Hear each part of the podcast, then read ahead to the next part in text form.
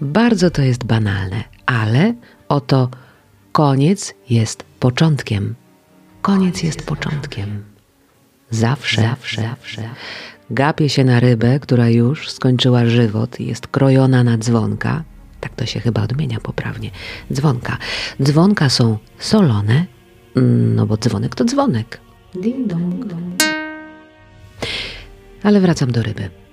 Koniec jej indywidualnej egzystencji właśnie przeobraża się w początek obiadu.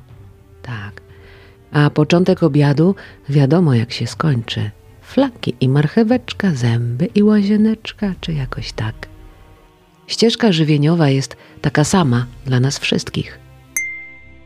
Gapię się na rybę i czuję, jak ważny, jak wiele mówiący jest ten widok.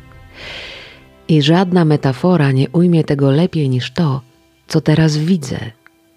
A ty? Co widzisz w tej chwili? Co do ciebie przemawia? I czym jest koniec, a czym początek? I czym jest koniec, a czym początek? I czym jest koniec, a czym początek? Czym jest koniec, a czym początek? Czym jest to, co jest? Gapię się na rybę Gapię się na rybę. To, co jest.